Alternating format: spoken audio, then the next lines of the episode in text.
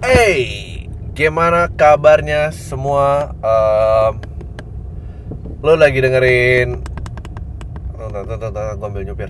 Uh, Lo lagi dengerin podcast awal minggu untuk tanggal Senin 29 Januari 2017 uh, Gong si Facoy. Oh enggak deng 30 deng 30 Januari 2017 uh, Gong si Facoy um, Selamat tahun baru Happy Lun Lunar Year. Chinese Lunar Year.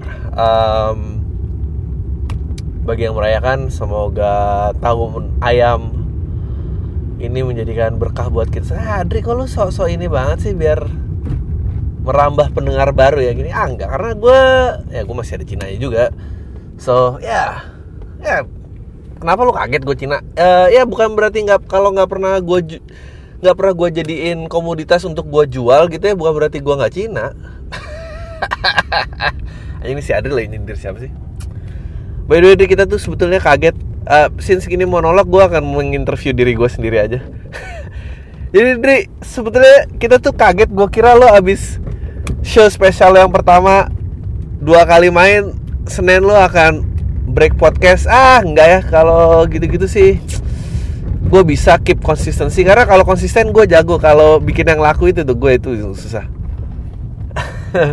Thank you banget buat semua yang udah datang. Um, quick announcement kali kali aja ada pendengar yang eh, nggak datang tanggal 28 kemarin itu adalah acara special show gue pertama eh, yang judulnya lu pikir lo keren Eh, kita dua kali main di Usmar Ismail Jakarta happy banget dua kali sold out eh, karena sempat ketakutan karena nggak pakai sponsor. Um, future plannya adalah jadi biar gue nggak banyak ditanya lagi di sosmed future plannya adalah uh, of course nanti akan gue jual uh, tapi masih nanti kayaknya um, karena mungkin 10 bulan lagi nah gue nggak mau dengerin uh, pendapat lo. Oh, kenapa gak cepetan ya? Karena anjing nulisnya 2 tahun masa mau gue dua kali pakai terus gue buang gitu gimana sih? Apa lo pernah mikirin ini dari sisi gue apa emang semua nih dunia harus dari kacamata lo aja? Ah itu itu, itu yang gue lakuin um, Eh, terus eh, kalau kota-kota lain pengen gue sebetulnya lagi nge- ngerencanain sesuatu dan semoga bisa cepet di eh, realisasikan. Tapi gue belum ketemu partner yang buat ngewujudin masih panjang. Jadi gue rencananya ini rencananya semoga kejadian. Ini ini yang mestinya ini yang mestinya dibikin sendiri oleh orang-orang yang pengen ada gua ke sana tapi emang ya maunya minta aja dan nggak pernah ada apa-apa. Akhirnya harus gue lagi yang mikir gitu kan.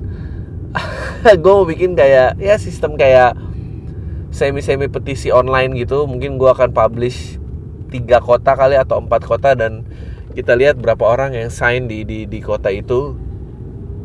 Em, sampai memenuhi kuota dan dia bisa nulis berapa harga-harga yang kira-kira dia dia mau untuk bayar gue. Karena mungkin daya beli beda-beda. Ya gue cuma pengen dapat eh, kisaran harganya dan kalau bisa dikalkulasi dan dan untung em, at- ya nggak merugi lah dalam artian gitu. Bukan untung harus bikin gue kaya raya juga. Em, ya gue mungkin berangkat gitu tapi I think that's the only way gue bisa ngelakuin kalau nggak em, ya ya lo nikmatin aja eh digital download yang 10 bulan telat daripada yang ah gue lagi berasa di atas angin mat Em, ah ya nggak sehebat itu juga sih sebetulnya menurut gue biasa aja sih gitu. Em,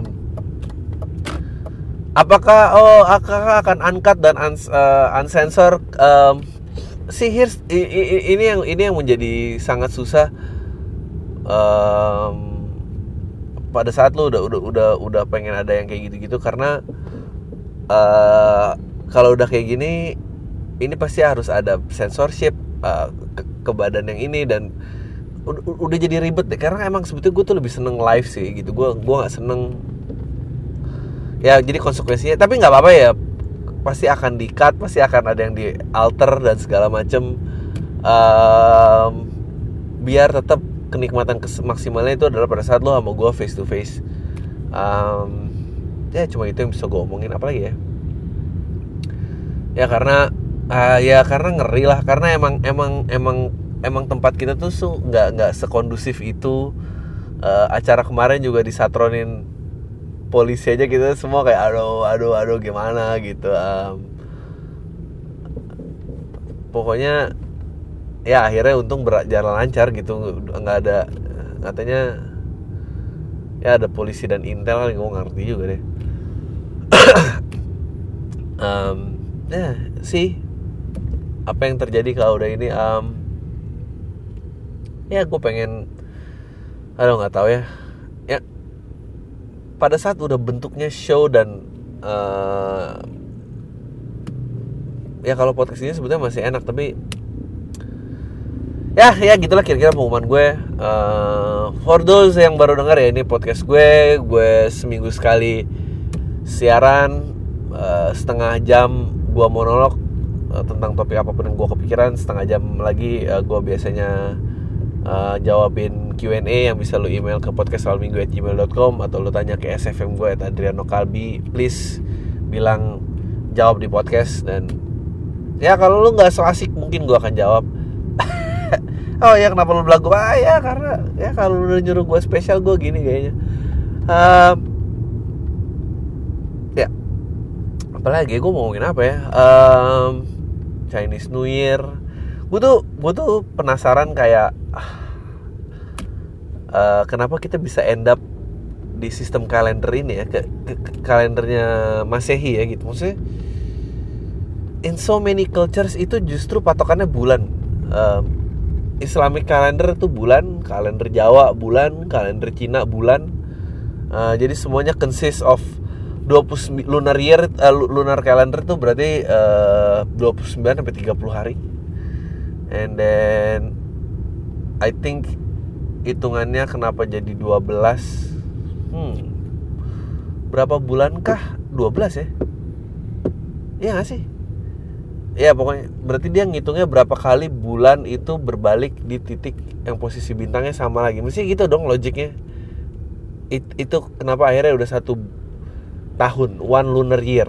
Makanya selalu ada percepatan 11 hari kalau dibanding sama uh, solar calendar. Uh, ya kalender menurut matahari ya.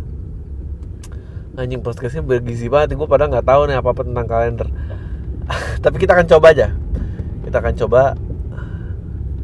Since when gitu. Gue tuh salut kayak ah, gimana sebuah hal tuh menjadi kesepakatan internasional. Ya kita kita setuju ngikuti itu dan off we go gitu. I mean di di era yang yang yang yang setiap setiap pilihan tuh sekarang menjadi ribet gitu ya dan dan nggak tahu kenapa waktu itu bisa ada hal-hal yang kita setujui rame-rame gitu. Itu kan berarti kan kita bisa sebetulnya setuju dalam sesuatu gitu. Itu, itu apa gitu?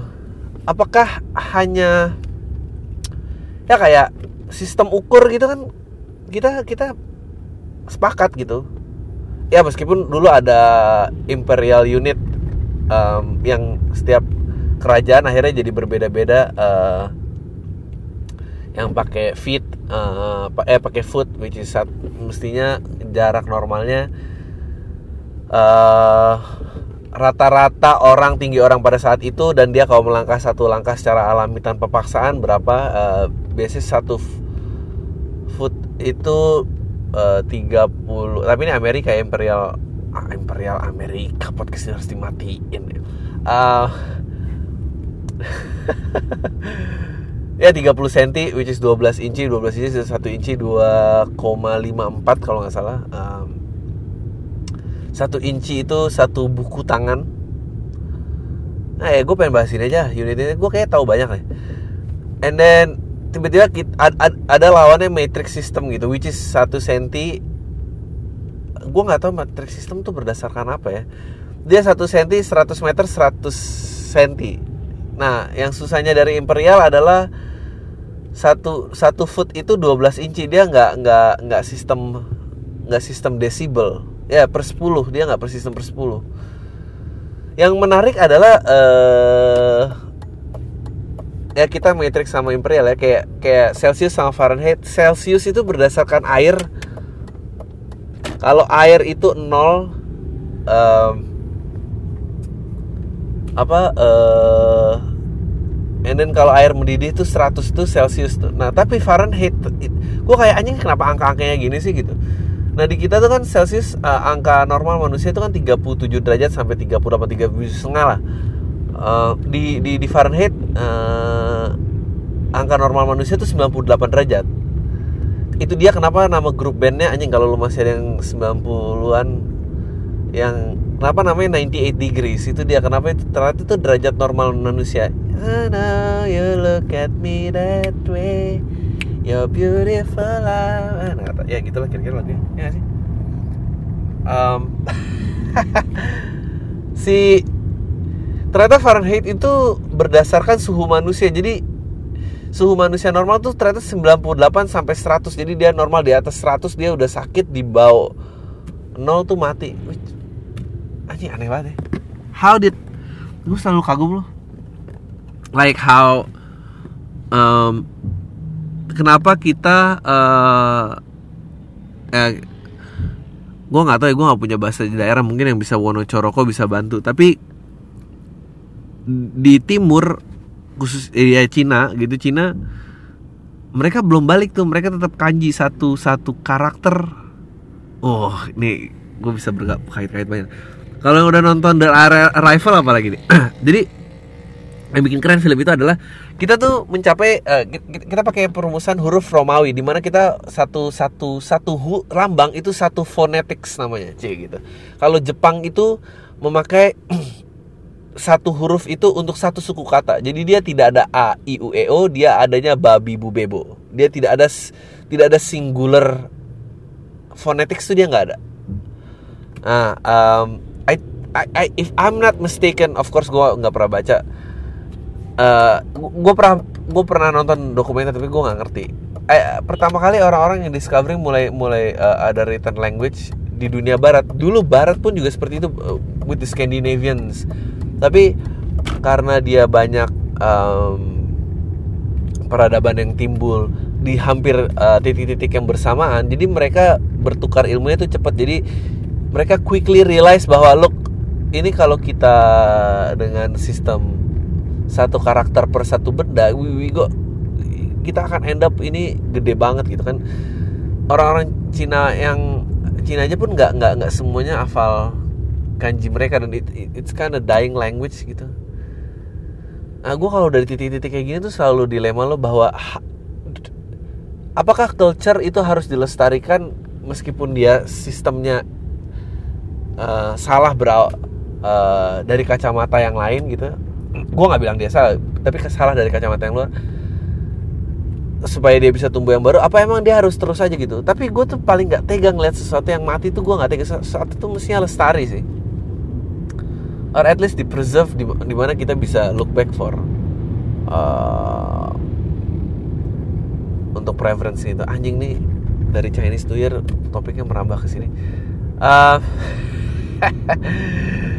ya pokoknya um, akhirnya dia memutuskan untuk ini ini itu apa ke Roma ke apa gini itu terus oke okay, dia mulai membreakdown uh, hurufnya per phonetics dan uh, yang kita kenal kita kita paling basic kita pakai 28 28 nggak sih abjad? Dua abjad tuh 28 apa 20 ya gitu lah.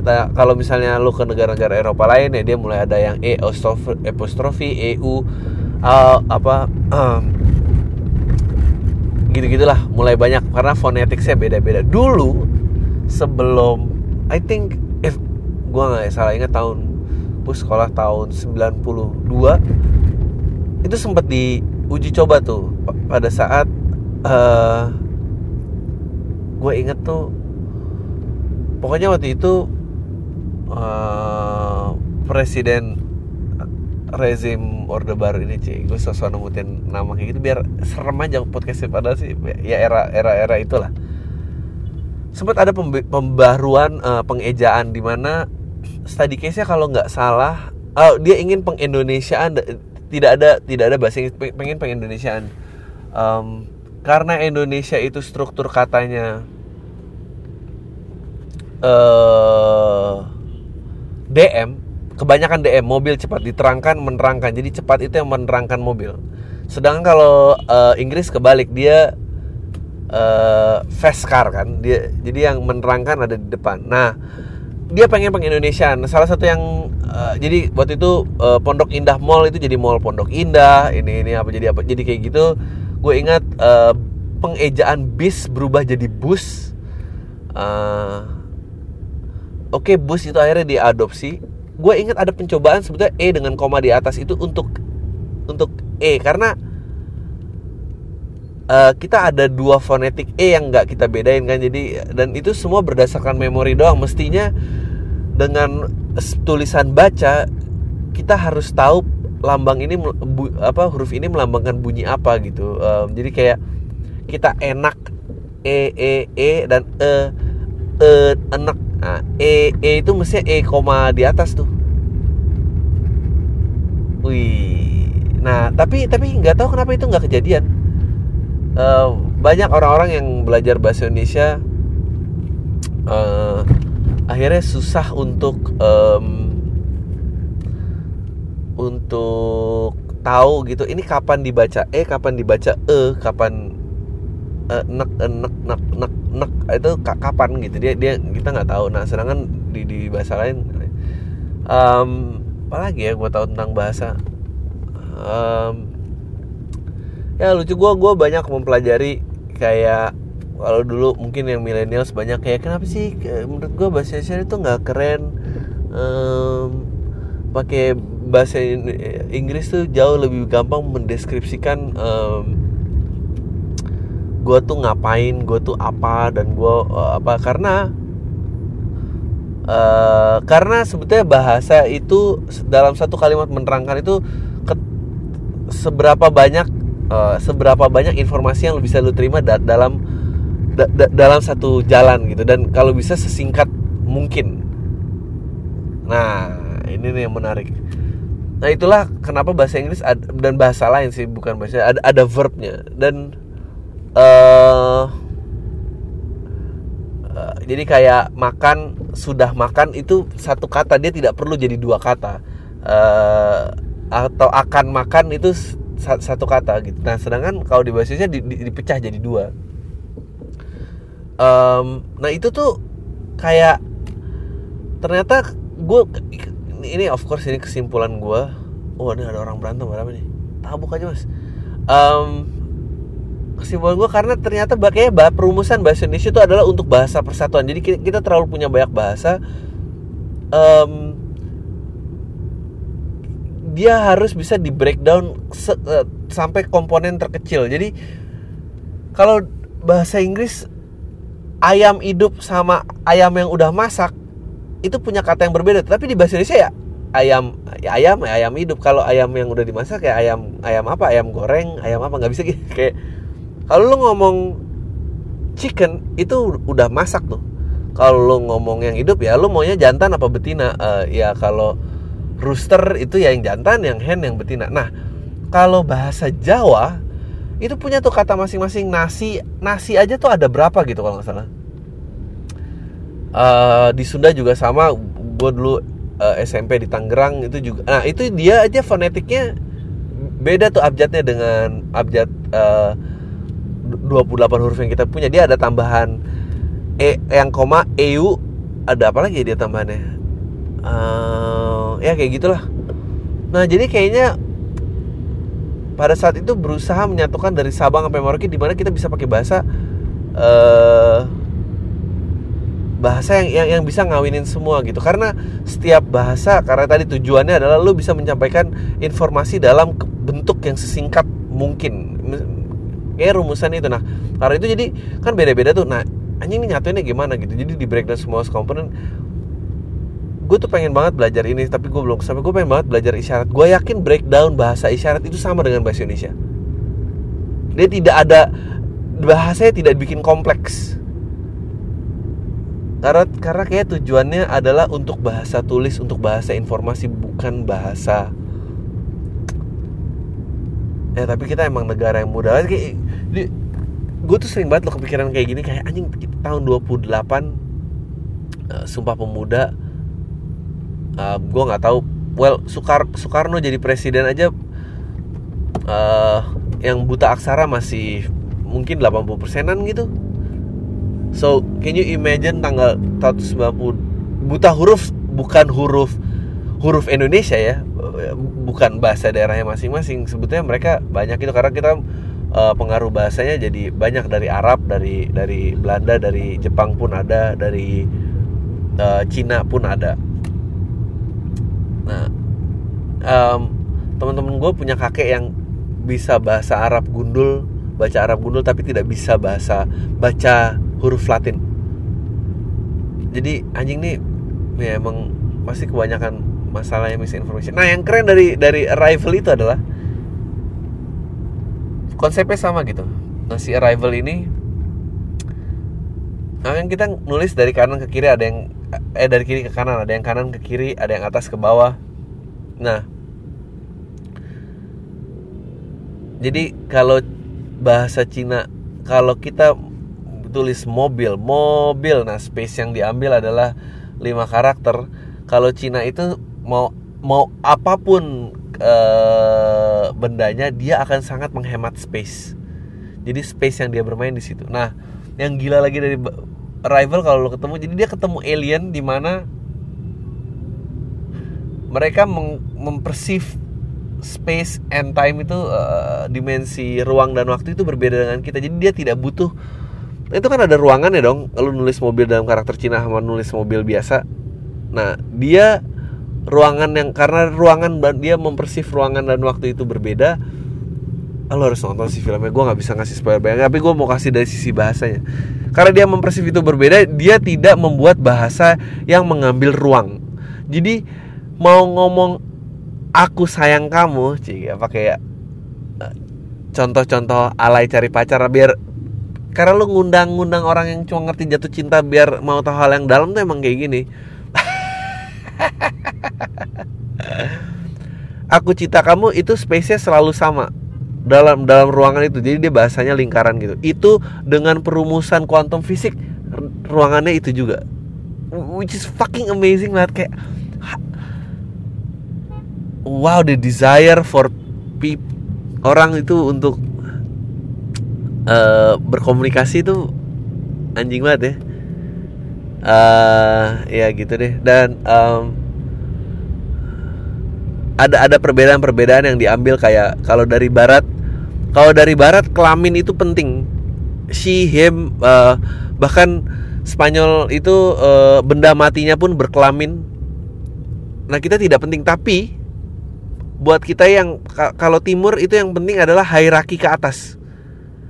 Kayak uh, om uh, paman kakek eh bu, apa ya hari ke atas maksudnya? Kakak adik. Kakak dan adik. Uh, dan kayaknya ini ya Cina juga gitu sih. Itu di di di barat nggak ada tuh.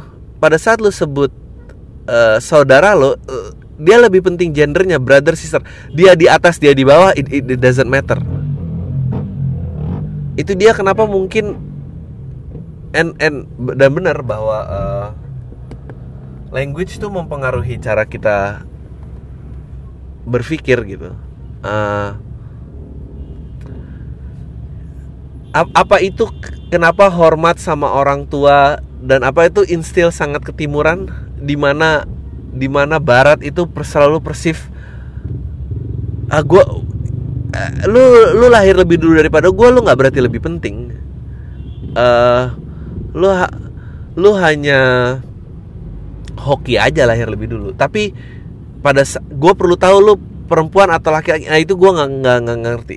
Apa sebetulnya secara seksualitas sebetulnya gue yakin kalau lu ngelihat Thailand kalau lu ngelihat oh jangan jangan kan Thailand Indonesia deh uh, ada suku di Sulawesi yang udah mengakui lima gender uh, dan dari dulu gitu uh, dia percaya ada lima dan, dan dan berfungsi sebagai keseimbangan. Kayaknya memang sebetulnya timur itu uh, memang vertikal. Tapi ada ketua desa, ada yang perlu dihormatin, ada si ini, ada apa uh, sangat seperti itu gitu. Tapi lu siapa, lu mau jadi jati diri apa mestinya kita lebih welcoming itu mestinya in our roots tuh karena bahasa kita juga mengajarkan kita gitu. Nah tapi seksis uh, menyepelekan sebuah grup dan apa itu memang lebih banyak masalah di barat. Karena memang strukturnya dia seperti itu. Dia tidak respect sama orang tua. You, you know banyak orang yang manggil orang tuanya nama nggak emang emang kita kita lebih kayak gitu. Anjir bermanfaat ya. Um, gue nggak tahu sih sebetulnya tujuan bahasan ini uh, mau ke mana. Gue cuma kak tadi tiba-tiba kepikirannya Chinese New Year ngomongin kalender ya ini aja seru kali ya. Um, ya tapi gue believe bang gue sangat orang yang masih mendukungnya nggak perlu semua orang terhubung kayak gini karena uh, pertukaran informasi well, pertukaran informasi yang terlalu cepat tuh hanya mengeliminasi yang lemah gitu ya gak sih? Sekarang berapa uh, kayaknya sebuah benda itu jika dia ingin lestari gitu ya dia ingin ingin ingin tumbuh kayaknya dia harus dipisahkan uh, du, uh, di waktu yang cukup lama sampai dia bisa membentuk fondasi-fondasinya. Pada saat dia berasimilasi atau dia mengabsorb pengetahuan-pengetahuan lain dia ada identitas yang bisa dia pertahankan dan tidak langsung ke wipe out gitu sebuah uh, sebuah identitas ya gitu. Dan dengan semua menerima informasi seperti ini ya betul komunikasi jadi lebih lancar. Tapi ini bahasa tuh kayak uh, penemuan manusia bertahun-tahun gitu ke wipe out dalam sekian detik tuh gila sih. Kayak ah kalau nggak salah ada dari sisi di Google berapa bahasa punah dalam setiap 10 jam atau apa gitu. Um, gue pengen belajar ada lagi uh, Zulu uh, si, si apa Billy um, ya the clicking sound is ada c, uh, ada Q ada ada gitu. Ah itu juga itu juga keren tuh. Ya Afrika juga banyak banget bahasanya. The clicking sound. Um, ya anjing gue banyak juga ya ternyata ya. kayak gue harus mulai mengalokasikan waktu untuk mempelajari yang lain deh jangan cuma komedi. Ini udah berapa nih? Um, ya semoga bahasannya cukup puas pengumumannya tadi? Ini um, ya let's go to the questions. Ini akan gue pause dulu karena gue lagi nyupir di jalanan. Ntar gue akan sambut lagi di, sambung lagi di rumah. Oke. Okay. aduh banyak ya Google ya kayaknya akan mulai dibatasin ya pertanyaannya. Ah, duit doang nggak. Oh gue jadi ingat ngomongin soal duit Um, jadi podcast ini udah nggak disiarin ulang lagi, berarti um, udah nggak ada income-nya. Mungkin selain selain tour tadi harus itu mungkin podcast ini ah, mulai harus gue bikin sistem sukarelanya sih. Ya tetap gratis tapi you know seberapa lama lo nggak enak makan yang gratis dan lucu aja terus lo masih ngerasa ah, nggak apa-apa kok ini mah ini lu nggak tuh semua nggak bayar-bayar jadi ya. Uh, ya udah gitu deh. Um, oke okay, SFM dulu kali ya yang banyak yang dikit.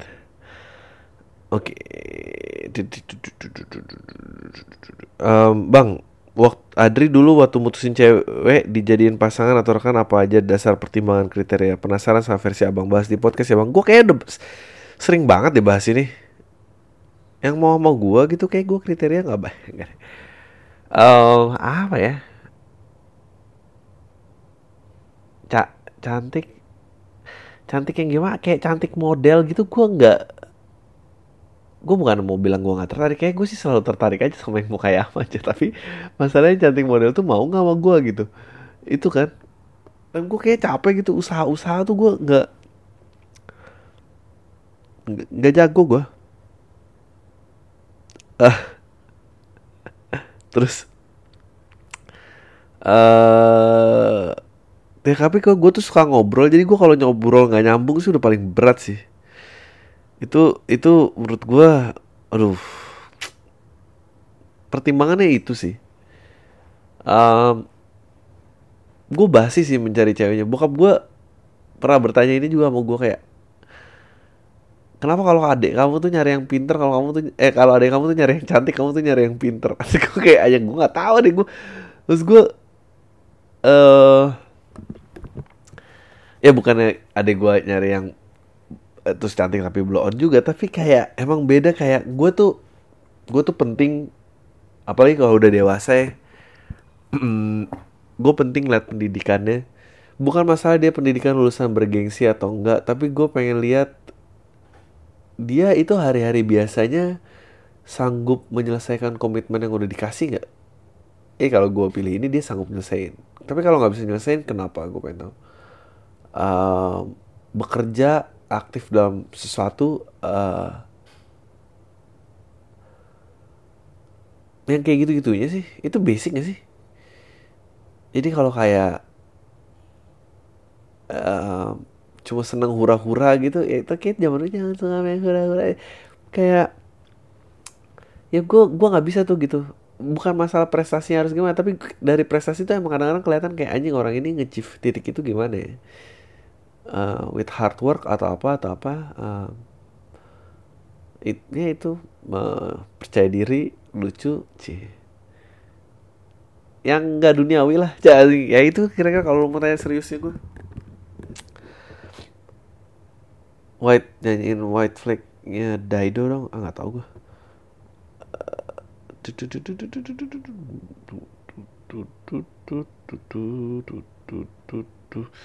ini ada bang gimana sih cara ngilangin kebiasaan joli? Sorry ya kalau vulgar. Ayo gue seret banget bang. Ah ya. Nggak tahu gue ke dokter aja kayaknya ada batas normalnya deh lu tahu deh kayak asal nggak setiap hari gitu atau tiga hari tiga hari sekali kalau nggak salah normalnya setahu gue ya. Uh, karena setahu gue kenapa tiga hari sekali? Karena itu umur umur uh, sperma jadi mature kalau nggak salah. Which kalau lo ada proses misalnya lu dua minggu nggak penuh lo misalnya kalau sehat tiga empat hari itu lo mimpi basah sendiri gitu or at least at least badan lo ngeregulate untuk ngeluarin itu kalau nggak salah ah ya terus bang ada request dong buat paminggu ini bawain beat lo ah nggak mau gue yang udah selesai paling pecah tapi nggak akan lo pakai lagi ya apa Uh, Oke, okay, ini buang aja. Atlanta, oke, okay. apa sih? Maaf ya, maaf ya, maaf ya, maaf ya. Ini gue isi biar nggak air gap nih. Lagu-lagu lagi serem nggak tahu gue.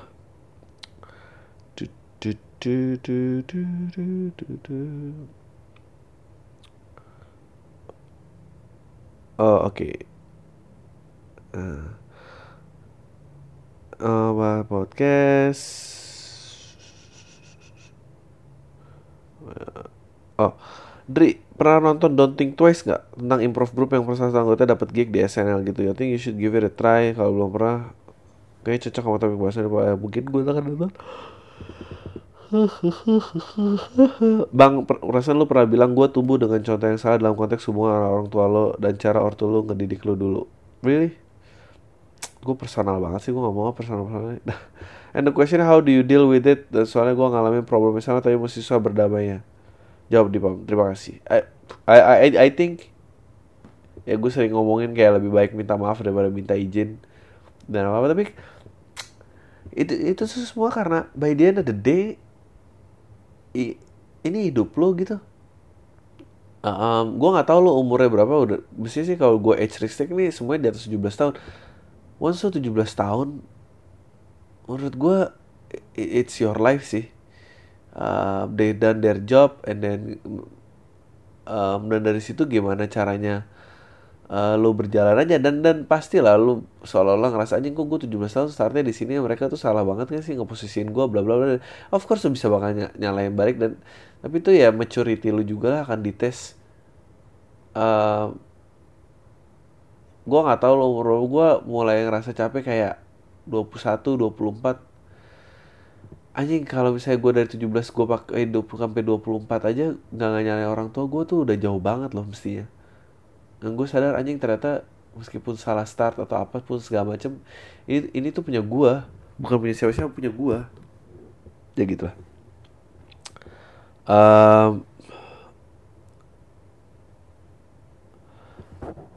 aduh yang tadi jawabannya ke delete lagi ah. bodoh um, ah, ini yang ngajak-ngajak tur udah gua ngomongin dulu dari tadi masih nanya ya nanya dengerin dong podcastnya sometimes I Bang, dari semua penonton lo pikir lo keren kemarin, siapa yang paling bikin lu canggung karena dia nonton? Sama kira-kira kota mana yang paling menarik buat lo kunjungi selanjutnya? Ya, tadi kota udah gue sebut. Penonton, uh, banyak ya penonton-penonton yang menurut gue nggak lo temuin di tempat-tempat lain. Uh, eh, gue happy Maman Suherman nonton uh, eh, gue happy Salman Aristo nonton uh, eh, gue happy anaknya Gus Dur nonton. Nai uh, siapa lagi? I think I think ada salah satu desainer gue nggak mau sebutin siapa yang gue gue nggak ada gue sih gue udah happy banget aja gue ya welcome to my acara gue lah gitu. Tapi kalau mau tahu tamu-tamu berkualitasnya sedap. Um, ya ada fashion designer Jakarta Fashion Week. Gue lupa siapa and then yeah, a lot of people I guess. Banyak lah semua. Belum lagi orang-orang yang terbang jauh uh, ada yang dari Batam kudos to you ada yang dari Medan ada yang dari Malang dari Bandung. Wah luar biasa lah. Gue gue sih haru banget. If gue bukannya nggak mau tur kok. Beneran gue sih mau nyamperin gue you know I'll be happy untuk ketemu juga. Is matematiknya aja. Gue tuh mentok di matematik. Itu doang. Um, ya. Yeah. uh, oke. okay. Uh, halo bang Adri yang gue kagum ya Jangan baca nama gue. Iya. Gue tahu lu selalu mengutuk orang-orang memakai passion mereka tanpa melihat kondisi. Gue nggak mengutuk orang-orang itu. Eh uh, terkutuk itu maksudnya lu yang kena kutukan bukan itu itu yang kena kena musik bukan bukan gue yang ngutuk. Gue baru aja mengatakan resign dari kantor dengan pekerjaan administratif yang di mana gue nggak suka ditambah lagi status yang masih outsourcing. Gue mau fokus sama usaha fotografi wedding gue yang selama ini gue jalani sambil menjalani pekerjaan kantoran. Apa menurut lu gue termasuk orang-orang yang lu kutuk itu? Gue nggak mau kutuk tapi lu orang-orang yang terkutuk gue nggak ngutuk. Lu terkutuk kan capek kan lo jujur gue bahagia menjalani dunia fotografi ini walaupun belum banyak orderan. Tapi gue optimis kalau gue fokus ini gue bakal bisa survive di sini. Setiap melihat kata-kata yang mengutuk orang yang punya passion itu gue gue agak ngedown. Eh karena lu ngeraguin diri lu sendiri nggak ada hubungannya sama gue tai lalu bang kita aja thank you aja. Ya gue nggak mengutuk orang-orang yang terkutuk kayak orang-orang yang jelek. Ya gitu lah. Kata benda itu bukan gue yang ngutuk. Salam bullshit salam kenal gue mari gue dari dari Bogor bacain di pame gue mau curhat dong bang. Gue ceritanya udah lama jomblo alasan gue jomblo satu sih karena pacar terlalu egois aja buat gue serasa memiliki padahal nggak punya hak. Walaupun jomblo gue dideketin banyak cewek sih pada akhirnya kebanyakan minta status dan gue nggak mau karena egois tadi. Karena selama gue pacaran paling chat makan bareng nonton bareng main bareng seks dan lain-lain. Oh anjing nih sok banget nih anak Bogor tanpa pacaran pun gue bisa dapetin semua. Dia pikir dia spesial nih. Menurut lu gue salah gak sih bang kalau gue cuma pengen deket aja? Kalau sayang dan sebaiknya udah gitu aja jalannya kalau jodoh ya nanti nikah. Kalau nggak jodoh ya udah pergi aja. Emang kalau mau nikah harus pacaran dulu gitu ya? Uh, soalnya kalau di tongkrongan bilang gue sih jahat ke cewek bang padahal itu prinsip gue makasih udah baca. Wah lu jahat kalau lu nggak bilang sih dari awal. Ya udah dong buka aja ntar aku pacarin. Nah, apalagi kayak gitu tuh Walaupun cuma lewat audio gue seneng bisa dengar ketawa lo ngedumel sejam. Semoga suatu hari podcast lo bisa komersil dan bikin karya tanpa ngekang idealisme. Amin. Di ending lu selalu bilang deh tai lu semua gue pengen jawab deh lu yang paling tai. Ya salam bullshit. Ya lu nggak salah tapi masalah masalahnya yang lain itu tahu nggak uh, lu ada tembok itu? Itu aja sih. Kalau dianggap jahat mah ya lu pasti akan selalu dianggap jahat lah. Gimana sih lapar ya uh. sebutin aja nama gue anjing Harley Quinn nama palsu ya langsung aja deh menurut lo kejelasan status dalam sebuah hubungan itu penting apa dan satu lagi gimana cara bedain cewek gila atau enggak cewek gila cewek yang diceritain Pam 16 Januari nge-blackmail pakai seks. Soalnya gue belum pernah langsung orang cerita kayak gitu. Gue kira kayak gitu cuma jadiin di FTV religi doang. Ah? FTV religi emang ada kayak gitu-gitu? Wow. Selamat atas saya semoga ada Oke, so, thank you udah baca emailnya. Uh, sepenting apa? Nggak, nggak tahu.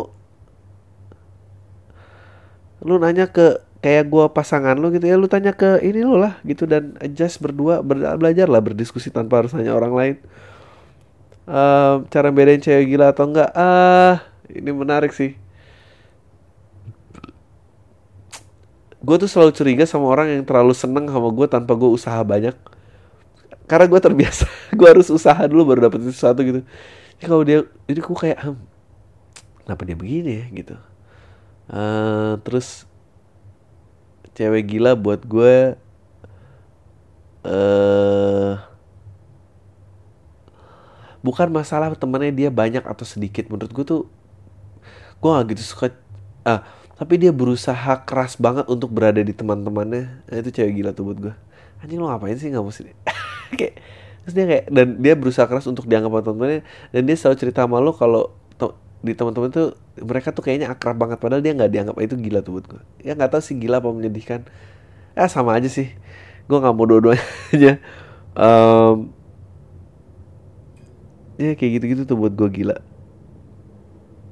Uh, suka teriak sendirian tiba-tiba emosi naik turun tuh juga gila buat gue welcome to my life. Halo bang, gue salah satu pendengar lo Dan Pam keren abis, thank you banget udah berbagi pikiran-pikiran tai lo. Berhubung lo dan gue sama-sama orang Jakarta Seberapa concern sih lo dengan pembangunan infrastruktur Jakarta? Nah, dan kalau boleh tahu pendapat lo tentang reklamasi Teluk Jakarta yang sempat heboh.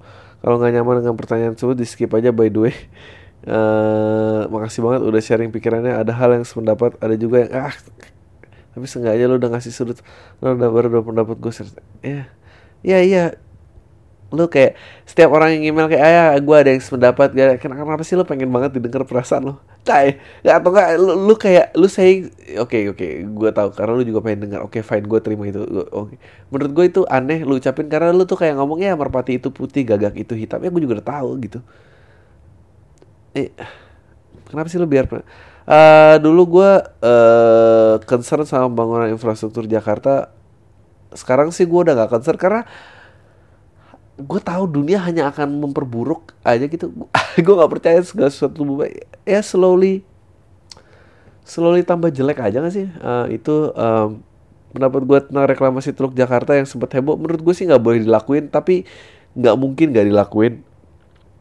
Karena uh, gue percaya yang ngejalanin negara ini tuh adalah konglomerat di belakangnya bukan pemerintah. Ya jadi nyemplung duit udah di investasi di udah pasti jalan lah udah mau jadi apa sih terserah lah. Ya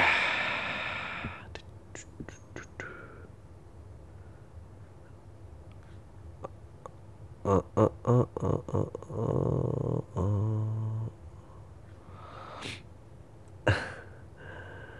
nikah karena berdasarkan cinta masih ada nggak sih? Uh, pasti ada pertimbangan lain yang realistis. Tapi kalau sadar yang paling dasarnya itu karena cinta menurut lo masih banyak gak sih? Gue dengar cerita temen gue yang cewek-cewek mau nikah Kayaknya udah gak terlalu pentingin mereka cinta atau enggak deh Gue jadi nggak jadi kebayang hidup mereka berkecukupan tak 24 tahun lagi Dia bahagia atau enggak ngabisin hidup sama orang yang nggak dia cinta. Sedangkan menurut gue cinta tuh akan lebih memperkuat hubungan di saat suami istri kerja keras untuk hidup yang layak bareng-bareng. Menurut lo gimana? Menurut gue lo mendingan ganti temen. Um, ya karena value hidup lo udah gak sesuai. Dan lo cari pasangan yang uh, yang yang yang yang menghargai nilai-nilai hidup lo aja uh, dan kalau nggak ada ya rela kalah aja. Ya gak sih? Nggak ya? Um, Oh lanjutan yang tadi. Ternyata 23 Januari lu udah bahas sedikit tentang nikah anjing. Gue tadi ternyata sambil denger sampai belum nyampe part Oke. Okay ada apa bang? Umur 21, 24, dan 27 karena angka-angka itu selalu sebut titik-titik di mana diri lu berbeda-beda. Ada benarnya kah dengan yang pernah gue dengar di film gue lupa film apa kalau nomor 21 semua isi kepala lo hal yang udah tahu bakal dikeluarin semua dan lo nggak tahu yang lo lakuin itu sebenarnya bener atau enggak ya bener bener 24 tuh acting kayak gue paling tahu dan umur 27 tuh apakah 27 Cup di mana titik lu akan dibuka dan ditutup selamanya. Ah, I think itu ada bener juga. Thank you, Bang. Podcast itu sangat menghibur. Gua akan sedih di mana saat titik lu untuk melangkah dan menyelesaikan podcast untuk selamanya. Oke, okay, 24 gua rasa gua akan gua mulai mengerti gua siapa gitu kayak yang mau gue lakuin 24 gue ngerasa gue udah tahu semuanya padahal gue nggak tahu siapa apa. 27 kayaknya itu mulai jadi Adri yang 100% ini Adri yang nggak akan balik lagi ke belakang. Dan bener ya pemikirannya terbuka ya bener. Ya ada bener mungkin kali ya. Um, tapi gue nggak percaya berhenti di 27 loh bang jangan sebut nama gue jangan sebut ya bang yang gak usah pakai please nggak gue sebut mau dijawab bareng Mbak Marsha juga dong dengar persiapan oh ya Marsha lagi nggak ada Gini bang, gue inget lo ngobrol tentang mahasiswa soal sex before marriage so ada kalimat sex before marriage perlu juga biar bisa test drive terus kalau nggak cocok. Abi gimana abis married gimana nggak bisa dibalikin juga kan? Nah gue punya pacar udah sekitar 7 bulan. I'm 27, he's 29. Kemarin ini dia baru propose dari rencana kita married bulan November ini. Yang gue pusingin sekarang adalah dia itu sepertinya menderita disfungsi ereksi ringan. Udah berkali-kali kejadiannya lagi main tiba-tiba lemes gitu dan beberapa gangguan lainnya deh. Memang nggak selalu tapi lumayan sering. Intinya sex life sangat nggak enjoyable. Wow.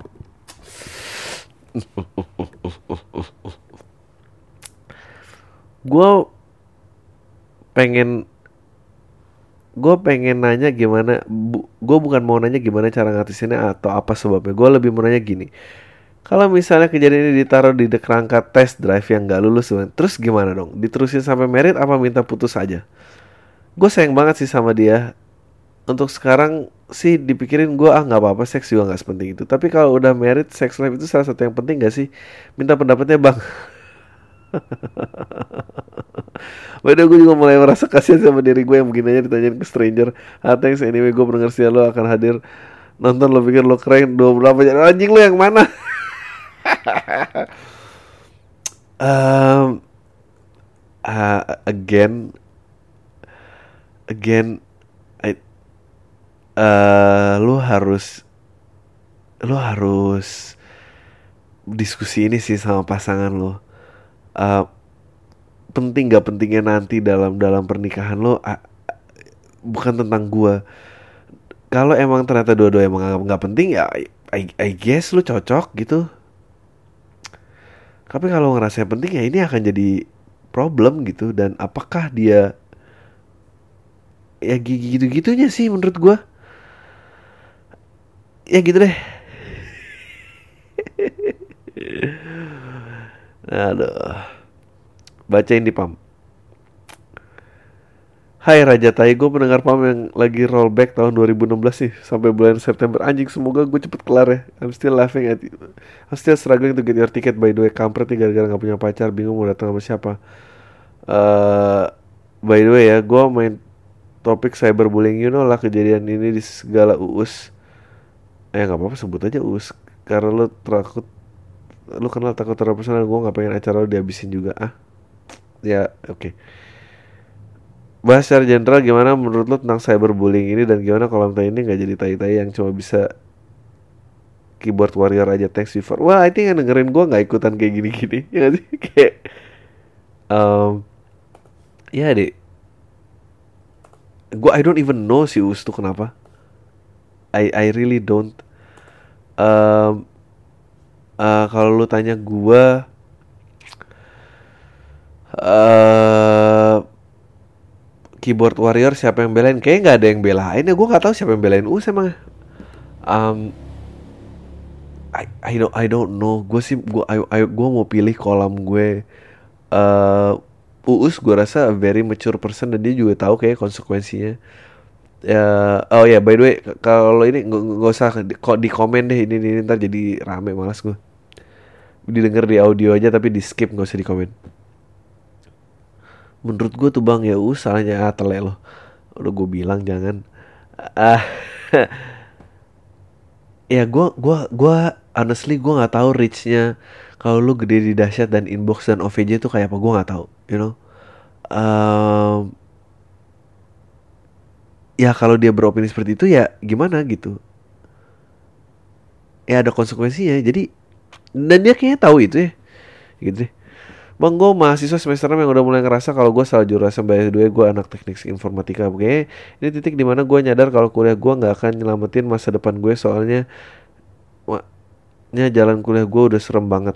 Mau pindah tanggung lanjutin pusing gak mau berhenti nggak mungkin gue mau pasrah aja biar bisa lulus juga udah bagus. Gue gue mau tanya nih bang ceritain dong awal murah karir lo jadi copywriter. Saya gue juga mau belajar copywriting. Ngasih tips juga awal mulai biar gue nggak berhenti melangkah di tengah jalan apa kuliah lu sebelumnya berhubungan copywriting juga bang. Terima kasih. Ya kuliah gue actually uh, marketing and advertising. Um, um,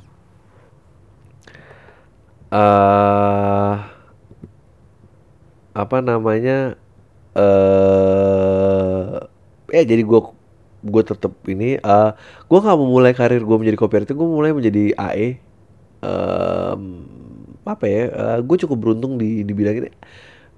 Uh, kayak apa uh, tapi kalau menurut gue sih kalau udah semester 6 ya udah jalanin aja lah. Lu kalau mau mulai copywriting lu selalu bisa ngambil course-course kecil uh, ada sekolah advertising bagus di di perempatan Radal tuh ITKP kalau lu bisa ngambil sambilan di situ ambil.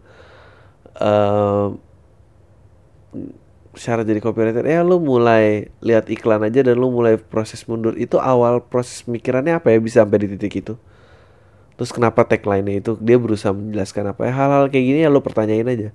Um, kenapa brand ini slogannya apa? Oh ini apa? Kayak gitu gitu that's a good way to start. Halo Dri, uh, gue nulis ini sebelum nonton lo pikir lo keren jadi gue beli gold pakai sama t-shirt di awal bulan bukan yang harga di show malam. Ekspektasi gue tinggi banget sama show lo. Ini gue bingung sama tonton gue di Twitter belakangnya nyindir-nyindir awardi LD, LPDP. Kata mereka uang rakyat dihamburin dengan jalan-jalan dan posting di sosmed. Tunduannya nyindir gitu apa ya? Yang gue tahu pertama lulus LD LPDP itu nggak gampang. Kalau mereka lulus ya berarti mereka layak keluar negeri ya. Kedua jalan-jalan di luar negeri itu jelas pakai duit dan waktu. Mereka jelas nabung either ngurangin jatah makan atau penghematan segala macam uh, uang saku dan dada oke ketiga uang saku. Uh, lulus LPDP itu uh, tiga uang saku dan uang makan itu kan hak mereka ya. Gue ngerasa si tukang sindir ini terkesan menyamaratakan awardee sebutan untuk lulus LPD yang lulus di luar negeri dengan anggota dewan yang pelesir studi banding ke luar negeri benar. Keempat anjing lu banyak banget sih. Yang tahu mereka tuh jalan-jalan tugas esai karya tulis sendiri. Oke ada deadline dipikir gampang apa kejar waktu sebuah liburan tempat tugas sendiri? Menurut gue itu nggak gampang. Oke pertanyaan gue adalah yang esol itu yang lulus LPDP atau dan pelesir posting di sosmed atau yang nyindir? Of course yang nyindir nyindir gimana sih di sosmed sekarang lebih duluan nyindir-nyindir terus terkenal apa lu terkenal terus kerjaan nyindir-nyindir? Anjing lucu banget. Duluan nyindir-nyindir terus. Wah ada kan yang terkenal kali nyindir-nyindir? Ya kan? Yang lagunya rap-rap apa sih? Uh, terus uh, terkenal kerjaan nyindir ya ada juga. Ya biasanya tuh udah mulai turun gak setinggi kemarin Oke, ini banyak banget nih. Aduh.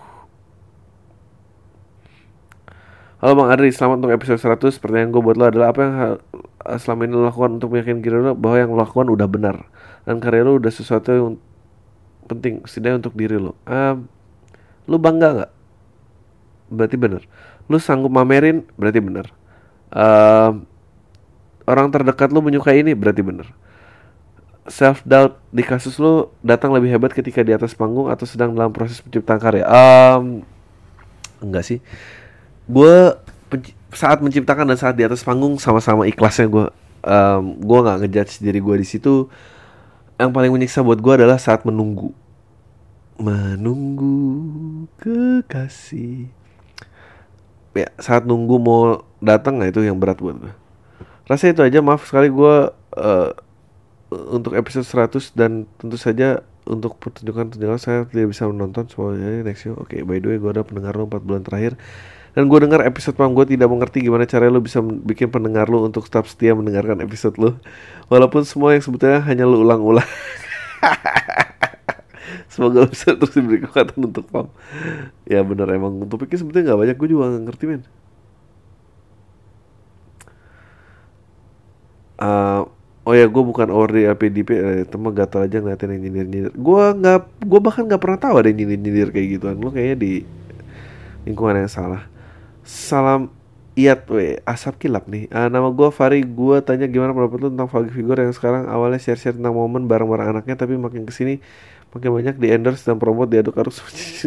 Nah akhirnya buat ngelibatin sang anak Menurut lu sejauh mana boundaries kewajaran dan dimaklumi dari hal yang seperti itu bang? Uh, gue nggak tahu men. Uh, kalau gue sih banyakan ini ya gue aja gue banyak banget yang nggak gue kasih tahu ke lu semua. Maksudnya gue liburan ke mana atau siapa anggota keluarga gue siapa nggak ada gue ya tapi yang lain-lainnya kayak gitu kan cepet ya. Ntar mungkin gue kalau udah lebih desperate kali. Not saying yang melakukan itu desperate tapi ya gitu deh. Gue sih nggak mau. Si yang bang nama gue nggak oke gue mau nanya dong gimana cara nyari cewek yang mau diajak nikah sederhana? Ya sekarang lagi banyak banget kan cewek yang maunya pernikahan dengan resepsi yang mewah. Cuma GR-GR ganti. Cuma gara-gara oh GR-GR pentingin gengsi. Padahal kalau buat gue sendiri mendingan nikah dengan resepsi yang sederhana. Sisa uangnya dipakai buat beli rumah sendiri atau kebutuhan penting lainnya. Gue mahasiswa umur 18 ah. Ah. Gue terkesan belum saatnya. Ah, ya emang. Uh, apa kayak belum saatnya gue mikir kayak gini tapi gue udah pusing banget kepikiran buat masa depan gue nanti. Ya, ya pantas rasain lo mikirin yang belum pantas lo pikirin. Dari ngumpulin uang buat nikah beli rumah kendaraan sebagai ya ya. Uh, pencerah mohon pencerahannya nggak usah pikirin. By the way sukses acara saya nggak bisa datang gue terus support kok thank you. Ya ya itulah ganjarannya buat kalau lo sok ngehandle masalah yang nggak bisa lo handle. Uh, ya gue yakin ceweknya pun juga nggak ada ya uh, halo bang gue pendengar setia lo. Gue pengen banget ke acara pikir tapi di bulan Sulawesi gue doain sukses jaga kesehatan lo bang. Oke bla bla bla. Senin 30 Januari gue oh Senin 30 Januari gue ulang tahun. Bisa ucapin selamat ulang tahun? Nggak boleh. Selamat ulang tahun. Uh, ini boleh disebut namanya? Ah uh, untuk yang keberapa untuk nama yang nggak boleh disebutin. Uh, ya semoga lo happy. Um, ya udah itu aja Aduh, oke sih kata ini. Dear Bang Kalbi, gue pendengar setia dari Bandung mau bertanya beberapa hal. Oke, satu, gue sering bertanya kenapa sih nggak ada calon pemimpin yang daerah yang visi misinya melanjutkan pemimpin yang sebelumnya dan memang bagus. Oh bagus ya ya emang karena semua ajang cari muka dan demi dinastinya dia dan bukan dinasti yang lain. Karena bangun daerah kan nggak bisa dalam waktu dua periode bla bla bla bla. Ya itu dia masyarakat kita yang punya rencana baru dapat terasa dengan waktu singkat. Bagaimana menurut Bang Kalbi? Ya, gue udah bilang gue ada rencana mau nikah dan rencananya mau undang keluarga dekatnya sekitar 50 orang. Gue terbebani dengan culture kita yang kalau resepsi harus undang banyak orang. Kalau misalkan kita ada secara privat menimbulkan pandangan jelek di masyarakat dikira MBA padahal rata-rata orang di sini mempelai nggak kenal sama yang diundangkan kalau resepsi kenapa harus dipajang pelaminan? Kata kita udah ada. Ya ya ya lo yang struggling millennials tentang egonya itu kan untuk mengurangi kebahagiaan menjamu tamu ngobrol sana sini. Kalau di pelaminan interaksi tamu tiba salam. Terima kasih tunggu jawaban di podcast. Ya. Ya kalau udah punya pilihan yang beda lo harus jangan nunggu persetujuan orang lain. Gimana sih?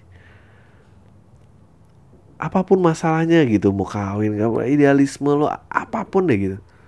Stop being a cry baby lah lu udah mau kawin lu mesti ngerti kayak gitu. Cing gitu sok banget dan lu gimana gimana ngapain lo maaf gue belum nggak bisa bikin salam pembuka yang baik. Gue 22 tahun masih kuliah.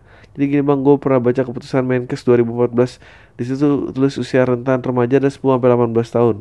Gue searching tentang itu ada, ada ceritanya suatu hari gue nyetir sama teman gue gue ngelewatin danau pas hujan deras. Gue nyeletuk ke teman gue kalau kita tidak justru ke danau itu di koran bakal terus gini dua remaja tewas setelah mobilnya jatuh ke danau. Kata teman gue ih kita bukan remaja lagi ya. Aneh anehnya dengan itu gue cukup terganggu. Ya lu udah nggak? Gue dulu pernah ngetawain Joey di serial Friends. Yang sedih tiap dia ulang tahun dia uh, sekarang merasa ada di posisi dia. Apa gue cuma merasa insecure karena teman-teman gue gue udah banyak yang kerja di ambang kemapanan gak ya ya dulu udah tua nyet 22 tahun kayak kemarin ada yang ngomong gue bang lu kayak 40 tahun terjebak di 30 enggak enggak. Lu aja semua yang 17 kayak 12 tahun no. gue tuh ngerasa masih jauh banget dari itu. Pesan dari lu apa untuk orang-orang belum siap jadi dewasa? Ya nggak ada sih. Nggak ada. Nggak ada udah gede aja gitu. Satu pertanyaan lagi. Gue ngerasa butuh psikolog bang. Apa menurut lu psikolog tuh perlu?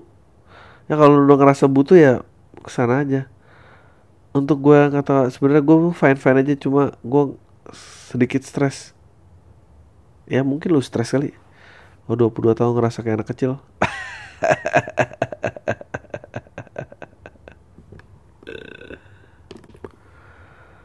Ah oke. Okay. uh, halo bang Adri nggak usah dibacain di podcast. Ah, ah mananya nih? Nama lo apa? Guanya? Oh, oke. Okay. um, ah udahlah nggak usah gue sebut aja lah bang gue ada bisnis konveksi nih mau nawarin bang buat uh, oh nggak usah dibaca di podcast. Oh ini tentang bisnis yang sorry sorry sorry, sorry. ya nggak jadi gue ngerti. Untung gak gue bacain. Hai Dri, perkenalin gue yang ngusulin sayembara desain baju lo. Gue duduk di row paling depan tadi malam Dan rela cabut cepet dari kumpul keluarga demi nonton lo. Terus lu buat jok tentang sayembara, parah lo Dri. Bencana main anyway, joknya keren. Ya ya Ini ada orang yang kemarin gue ngatain netizen semua tuh tentang dirinya egosentris. Gue bikin kaos aja kayak kenapa lo nggak bikin desain? Gue jadi nggak mau beli karena kaos lu jelek. Anjing lo aja yang desain. Ngapain jadi gue marah? Bla bla bla terus ada joknya uh, show lo yang pertama ini keren abis men. Lu buat paradigma baru tentang soal stand up itu bukan tentang belajar sejarah yang harus dihafal. Malah lu bisa mancing cawa dengan ngebaca contekan salut belum lagi skill filosofi lo yang susah diterima manusia biasa. Itu ya have a good time man. Thank you. Thank you banget semoga lo juga mau balik lagi. Uh, thanks for the show. Cepet-cepet lah buat show lagi dream. Mumpung crowdnya lagi banyak um, See you in the next show man. Lo masih favorit gue dalam stand up comedy dan pump Anyway thanks juga buat ngasih alasan gue buat cabut dari keluarga Dan yang terakhir gue gak bakal coba niup lilin orang. Eh gue, gue sensor karena ini uh, joke-nya. Sukses terus dari buat lo dan istri lo santai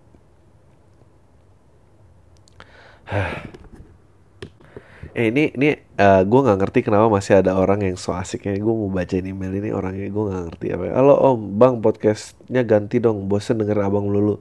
Tolong ganti yang lebih muda dan energik seperti Karni Ilyas. Dan tolong dong setiap podcastnya ditambah fitur bahasa isyarat.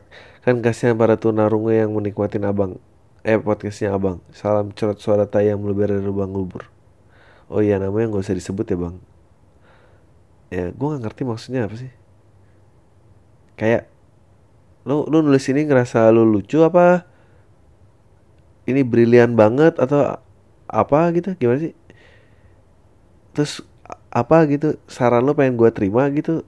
Ah apa lu emang beneran tunarungu? Ini kalau gue tuna kalau gue ledek dahsyat ternyata lu tunarungu gue yang gue yang ignoran nih.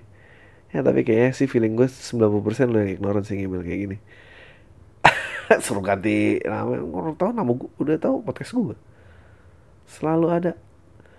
Uh, setelah show rencana lo uh, eh, LPK 6 bulan ke depan apa ya? Tadi gue disebutin rencana tentang stand up gue gue bisa gue ambat nih. Halo bang. Nama gue Sansan tolong bahas status sosial ekonomi sosial. Status ekonomi sosial di kota kan beda-beda. Misalnya ke Jakarta kota lain ada salah satu yang mempengaruhi kan pasti UMR bang. Belum lagi lifestyle dan lingkungan. Oke. Okay. um, semua itu menjadi faktor kebahagiaan. Yang gue tanya adalah apakah memilih kota yang tempat biasa bisa menjadi alasan sebuah hidup bahagia? Thanks bang, santai. Ya of course lah. Of course, of course. Kebahagiaan, cita-cita lo, prinsip hidup lo, itu semua hal-hal yang gak perlu lu nggak perlu negosiasiin atau apa sih ngerti lu nggak nggak bergantung sama yang luar lah lu di kompleks yang tempat kompleks bisa lu bisa bahagia di tempat yang simpel pun kalau menemukan kebahagiaan ya bagus lah. Ya sih bang lu kalau udah terkenal bikin pada bukan aja kayak agak tetai kalau kita nggak bisa ikut paket umroh bersama Adri pasti jemaah lo siap membahas.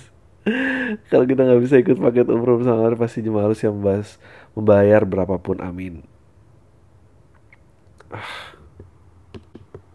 Um, aduh panjang banget nih. Terserah mau dibacain atau enggak tapi berkewajiban untuk ngucapin ini oke. Okay. salutation gue atas show lo pikir lo keren.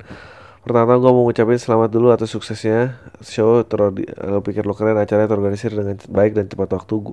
Dan gak ada permasalahan teknis for thumbs up. Thanks banget udah mulai dari shot cap yang proses ticketingnya oke okay, dan materi-materi lo yang kocak dan real banget buat openers lo band Danio, Patra Gemala dan kuku ini berdasarkan urutan tampil ya kalau secara performa gue akuin mereka sama kocaknya bang asli. Mulanya gue emang bukan pecinta stand up comedy dan bukan hater ya tapi gara-gara internet entah gimana gue bisa menemukan lo dan pam dan sampai dengan show lo pikir lo keren ini gue jadi semakin mengapresiasi karya para komedian.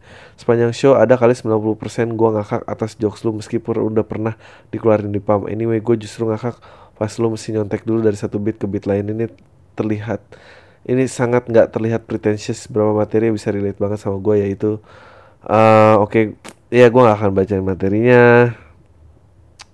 Oke. Okay. uh, last note gue berharap ada aja oke okay, gue udah bahas. Dan semoga lo terus menjadi komedian ya bang. Baik itu pam ataupun stand up kalaupun lo memutuskan gak lanjutin bang gue harap soundcloudnya gak dihapus sudah bisa didengerin lagi. Banyak bayar kali sehewanya sekali lagi selamat ya. Thank you banget man semoga lo balik lagi Oke, okay, Bang, aku mendengar podcastmu dari Aceh. Kemarin gak bisa ke Jakarta untuk spesial, padahal pengen banget. Kira-kira akan ya, oke, okay, gue udah bahas. Jawab di Assalamualaikum bang. Wow show yang luar biasa. Kemarin aku suka banget comebacknya kuku dan saya penampilan abang. Sampai sakit perut lah ketawa ujung-ujungnya kepala udah penuh jadi pusing. Kemarin kalau ngeliat show mungkin gak sih suatu saat ada yang rela bayar uh, untuk jadi bintang tamu podcastnya mungkin aja. Mungkin gak sih bang? Terus gitu aja pasti banyak yang email masuk. Asas sukses. Bi um, ya lu sebut nama nggak apa ya kita sering ya thank you ya thank you banget Halo bang, maaf ya, uh, tolong impersonate pasangan yang habis nonton show lo dan lama-lama insecure. Aduh, gue lagi capek banget, men. gue kemarin happy banget, gue setuju banget kenapa. Uh, lalala, oke, okay, ini nggak gue sebutin karena ini joke-nya. Kalau mau ngadain show di luar kota, gue udah sebut tadi kenapa. Uh, kenapa sih kamu kalau ketawa sama Adit tuh kenceng banget pasti kamu tuh setuju ya baby ini kenapa ini sorry gue gak bisa gue capek banget sorry gonna run this through tapi Adit banyak bener gak sih menurut kamu kamu seneng banget sih kamu ada selingkuh ya segala macam Bang, gue seneng banget dengerin podcast lo. Gue uh, gue pendengar baru dan sekarang lagi dengerin podcast lo dari awal. Lo tau gak sih degree of separation? Kalau lo nggak tahu, coba baca deh. Gue pengen tahu pendapat lo. Oke, gue akan baca. Um, ya itu aja dari gue. Thank you banget. I'll see you guys uh, ya next week. Nah, lu semua. Deh.